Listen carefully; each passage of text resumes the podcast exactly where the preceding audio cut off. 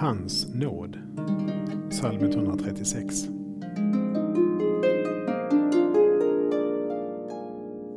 Evigt varar hans nåd. Denna strof upprepas 26 gånger i salmen. Det kan kännas lite tjatigt att läsa samma strof så många gånger. Men så småningom kommer man in i en läsrytm och ser att salmen sammanfattar Guds verk.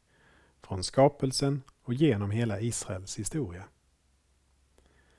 Han skapade himlen med vishet. Han förde Israel ut ur Egypten. Han ledde sitt folk. Han gav deras land åt Israel.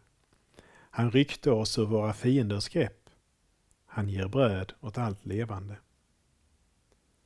Alla dessa händelser påminner om Guds godhet och nåd. Salmen uppmanar oss att tacka Herren, inte främst för att han har gjort allt detta, utan för hans nåd. Vi ber. Tack Herre för din nåd.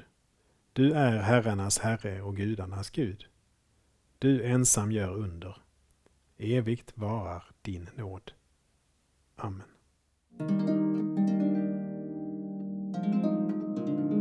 Saltarklanger med Per Runesson producerad av Norea Sverige